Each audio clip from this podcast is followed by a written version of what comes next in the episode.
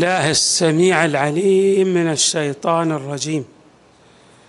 بسم الله الرحمن الرحيم والحمد لله رب العالمين والصلاة والسلام على أشرف الخلق سيدنا ونبينا محمد وآله أجمعين الطيبين الطاهرين. قال الله تبارك وتعالى في القرآن الكريم وجعلنا منهم أئمة يهدون بأمرنا. لما صبروا وكانوا بآياتنا يوقنون. صدق الله العلي العظيم. إمامنا الجواد عليه السلام من أوضح الأدلة الدالة على حقانية مذهب أهل البيت من ناحية. وأيضا على حقانية العصمة والإمامة الكاملة لأئمة أهل البيت من ناحية ثانية. وهناك ارتباط وثيق بين الناحية الأولى والناحية الثانية. كلامنا في هذا اليوم في التدليل على هذين الأمرين بسيرة شخصية بمعنى أن أحد أبناء أهل البيت عالم من العلماء. وعاصر بعض أئمة أهل البيت عليهم السلام. وكان مع عمره تقدم في العمر ومع علمه ومع نسبه الشريف توافرت لديه خصائص متعددة. مع هذه الخصائص كان غاية في التواضع وإدراك الحق والإذعان لإمامة الأئمة من أهل البيت عليهم السلام. هذا العالم هو علي بن جعفر. علي بن جعفر هذا عالم ابن الإمام الصادق عليه السلام وأخو الإمام الكاظم. وعم الإمام الرضا عليه السلام. أخو الإمام الكاظم. هذا عالم. وراويه للأحاديث. وتقدم به العمر يعني أصبح فوق السبعين سنة في عمره. لكنه مع نسبه الشريف من سلسلة الأئمة من أهل البيت مع علمه الجم والوافر كان جم التواضع. حسن الهدي. سائرا في جادة الصواب. متنكبا جادة الغواية والضلالة. ويهمنا هذا الشخص من ناحية الإذعان للإمامة لأن بعض الناس عندما يعطيه الحق تبارك وتعالى نعمة من النعم يطغى. إن الإنسان ليطغى أن رآه استغنى. إذا الله أعطاه نسبا انتسب إلى سلالة أهل البيت قد يتفاخر على الناس بنسبه. وإذا الله اعطاه علما قد يتفاخر على الناس بعلمه. كذلك إذا اعطاه الله جاها أو مالا قد يفخر على الناس بماله وجاهه. ومرت عليكم قصة ذلك الصحابي الذي عندما جلس بمقربة منه أحد الفقراء جر, جر ذيل ردائه. فقال له النبي صلى الله عليه وآله أخفت أن يصل إليك فقره. يعني أنت تخاف تجر ذيل الرداء حتى لا يعاديك بفقره. هذا تدارك نفسه قال لا ولكن الكبرياء يا رسول الله. يعني أنا عندي نوع من الكبرياء ولكن أريد ماذا؟ أن أكفر عن هذا الذنب. سأهب له نصف أموالي. فقال له النبي هذا راح يهب لك نصف أموالي. يبدو أن هذا الفقير أيضا كان عنده اتصال وثيق مع الله واعتداد بإيمانه. فقال لرسول الله كلا لا أريد. يعني لا أريد هذا المال. فلما سأله النبي صلى الله عليه وآله أجاب قال أخاف أن يصيبني ما أصابه. يعني أن أصاب بشيء من الكبرياء والغرور بسبب المال. اذا الإنسان قد يطغى بسبب النعم التي يعطيه الله تبارك وتعالى إياها. ولهذا حري بنا أن نلتفت إلى هذه الآية المباركة. وما بكم من نعمة فمن الله. هذه ليست منكم. الله أنعم بها عليكم. علي بن جعفر عليه السلام ورحمه الله ورضي الله عنه كان غاية غاية في إيمانه في تواضعه.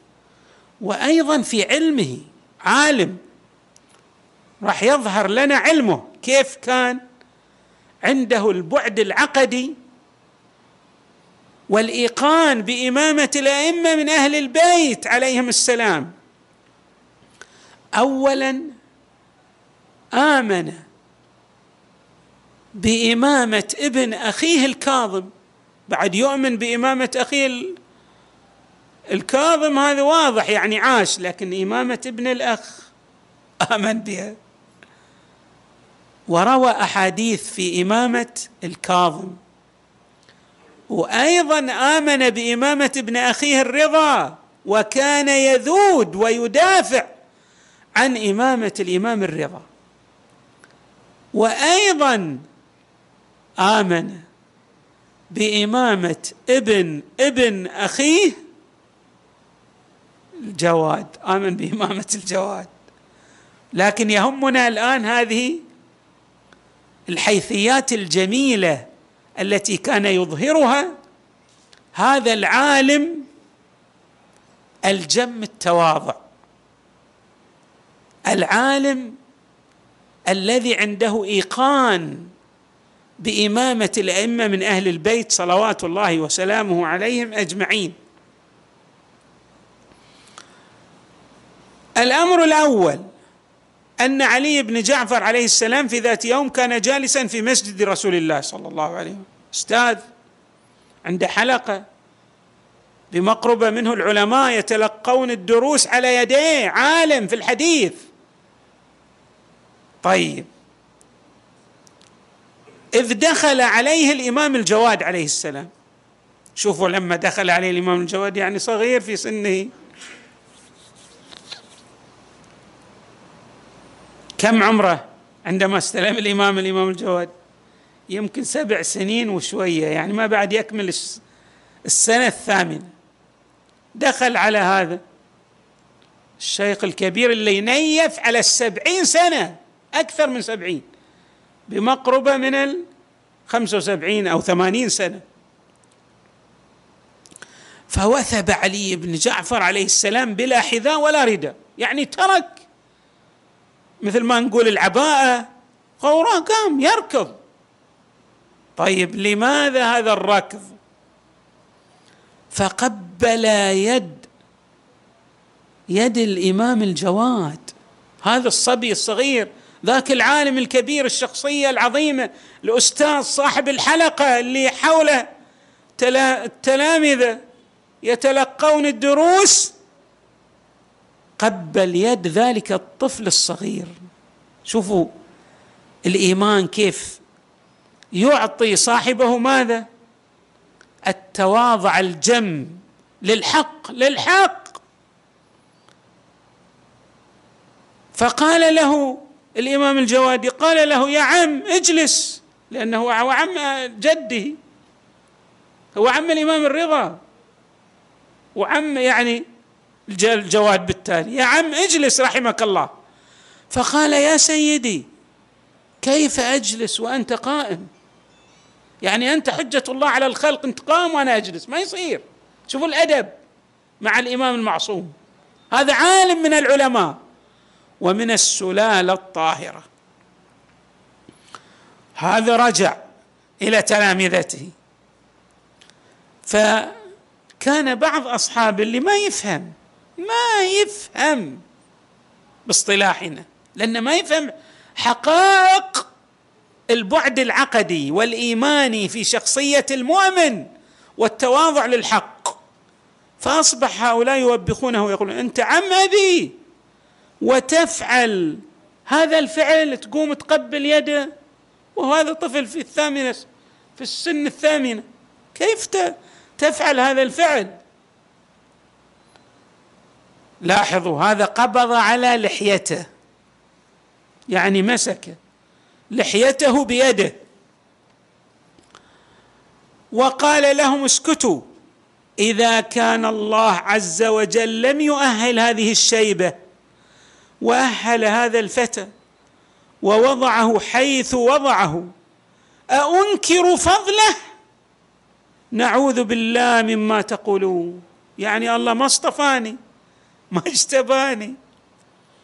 فإذا كان الله اصطفى هذا واجتباه هل لكوني عالم لكوني من السلالة الطاهرة ينبغي لي أن أنكر الحق؟ المزايا التي يعطيك الله إياها لا ينبغي أن تكون شرك للشيطان. تدعوك إلى إنكار الحق. شوفوا هذا علي بن جعفر. وكيف كان يفقه ويعي ويدرك حقانية إمامة الإمام الجواد عليه السلام. طيب. أيضا هو روى يقول سمعت أحد الرواة يقول سمعت علي بن جعفر ينقل عن أبيه عن أبيه من أبوه؟ الإمام الصادق عليه السلام. يقول سمعت أبي جعفر بن محمد عليه السلام يقول لجماعة من خاصة أصحابه استوصوا بموسى. يعني خل عندكم إيقان واعتقاد بإمامة الإمام موسى بن جعفر. هذا اللي هو أخوه. ما يقول أنا ذاك أنا أخو إحنا كلنا أخوة. فلنكن في الفضل سواء. لا. كان ينقل الحق عن ابيه إنه مو بإمام. أنا عالم بس مو بإمام معصوم. ينبغي لي أن أسير خلف راية الإمام المعصوم. أسلك طريق الهدى. استوصوا بموسى ابن خيرا. فإنه أفضل ولدي أو ولدي. ومن أخلف من بعدي وهو القائم مقامي هو الإمام المعصوم والحجة لله عز وجل على كافة خلقه من بعدي. أيضا هو يقول علي بن جعفر يقول كنت عند أخي موسى بن جعفر عليه السلام فكان والله حجة في الأرض بعد أبي إذ طلع ابنه علي عليه السلام. يعني يقول أنا جالس مع الإمام الكاظم. الإمام الكاظم شنو يصير؟ اخوه يقول خرج ولد أخوي هذا. ولد الكاظم خرج. من؟ الإمام الرضا عليه السلام. فقال لي يا علي. شوفوا الإمام الكاظم يخاطب أخاه. قال له يا أخي يا علي. هذا صاحبك. يعني الإمام الرضا هو هو الإمام من بعدي. انتبه. كن مع الحق. سر في الصراط المستقيم. هذا صاحبك. وهو مني بمنزلتي من أبي. كما أن أنا الوارث الحقيقي لأبي في الإمامة. فهذا علي الرضا عليه السلام. هو أيضا الإمام المعصوم. الذي يجب على الخلق أن يتبعه. فثبتك الله على دينه. الإمام الكاظم يدعو لأخيه أن يتولى ابنه الإمام الرضا عليه السلام. يقول فبكيت وقلت في نفسي نعى والله إلي نفسه. يعني هذا الإمام الكاظم ما قال لي هالكلام إلا الناس ماذا؟ سوف يرتحل عن الدنيا عما قريب. فعلا الإمام الكاظم سمى واستشهد في سبيل الله. فقال يا علي لما رآني أبكي يعني الإمام الكاظم يرى علي بن جعفر يرى أخاه يبكي. فقال يا علي لابد من أن تمضي مقادير الله في ولي في ولي ولي برسول الله أسوة. يعني إذا كنت أنا أحصل على هذا التعب على هذه المشقة على أن أسم أيضا فالنبي أيضا سمى صلى الله عليه وآله. لا بد أن تمضي مقادير الله مقادير الله في ولي برسول الله أسوة وبأمير المؤمنين وفاطمة والحسن والحسين عليهم السلام. يقول وكان هذا الكلام قبل أن يحمله هارون الرشيد في المرة الثانية بثلاثة أيام. قبل ثلاثة أيام هو أوصاني بإمامة ابنه الإمام الرضا. طيب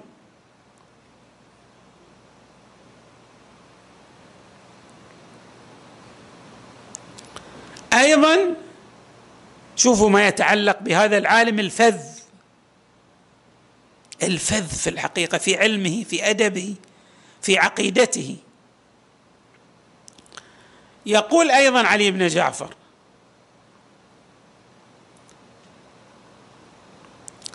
أنه سمع من الإمام الكاظم أو سمع من الإمام الرضا عليه السلام. عندما دخل الجواد على الرضا في المسجد. دخل الجواد على يعني على أبيه دخل الجواد على أبيه. ف الإمام الرضا كما قلنا أبان لعمه أن الجواد هو الإمام المعصوم من بعده. وهو حجة الله على الخلق. يهمنا ماذا؟ يهمنا الشيء الكثير في شخصية علي بن جعفر عليه السلام.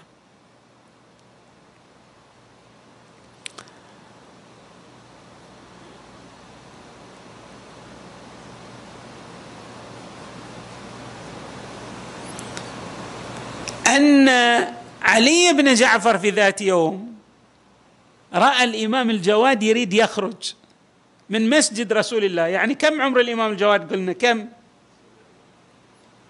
في السنة الثامنة يعني ما بعد يكمل السنة الثامنة. لكنه حجة الله.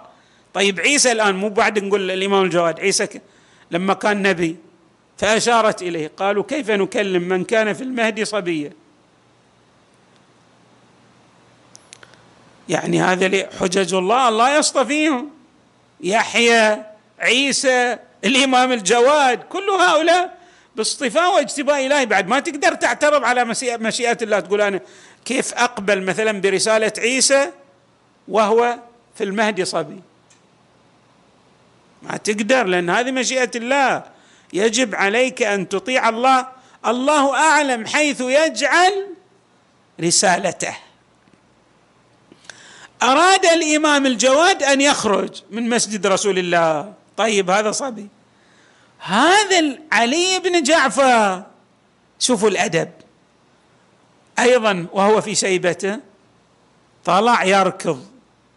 وعدل الحذاء لابن أخيه. الحذاء! الحذاء قال له البس يا سيدي الحذاء حذاءك. لهذا الطفل. هذا يعني لنا الشيء الكثير. ماذا يعني لنا؟ يعني أنك لو كنت من أعلم العلماء وجاء الإمام المعصوم عليه السلام لا ينبغي أن تجعل لشخصيتك وزنا في قبال المعصوم في قبال الحجة لله لأن ذلك هو موضع سر الله. لأن الإمام المعصوم عليه السلام هو ماذا؟ هو الذي يحتج به الحق تبارك وتعالى على خلقه. فلما تجعل نفسك في رتبته ما معنى هذا؟ هذا نوع من الكبرياء. ولهذا الأنبياء والرسل يجب أن يتعامل وإياهم ومعهم الخلق مهما كان هذا الذي من الخلق. عالم. ثري ملك وزير. بالاحترام والتجلى والتقدير وإظهار الطاعة المطلقة لمن اجتباه الله تبارك وتعالى واصطفاه وأمر الناس باتباعه. اذا يهمنا في إثبات حقانيه إمامة الأئمة من أهل البيت وإمامة الإمام الجواد ما يدلل على هذا الواقع من الناحية العملية بشخصية علي بن جعفر هذا العالم الفذ الجم التواضع كما أبنا. نسأل الله تبارك وتعالى أن يجعلنا في الدنيا والآخرة مع الإمام الجواد ومع علي بن جعفر ومع الإمام الرضا ومع الإمام الكاظم ومع أهل البيت بأجمعهم.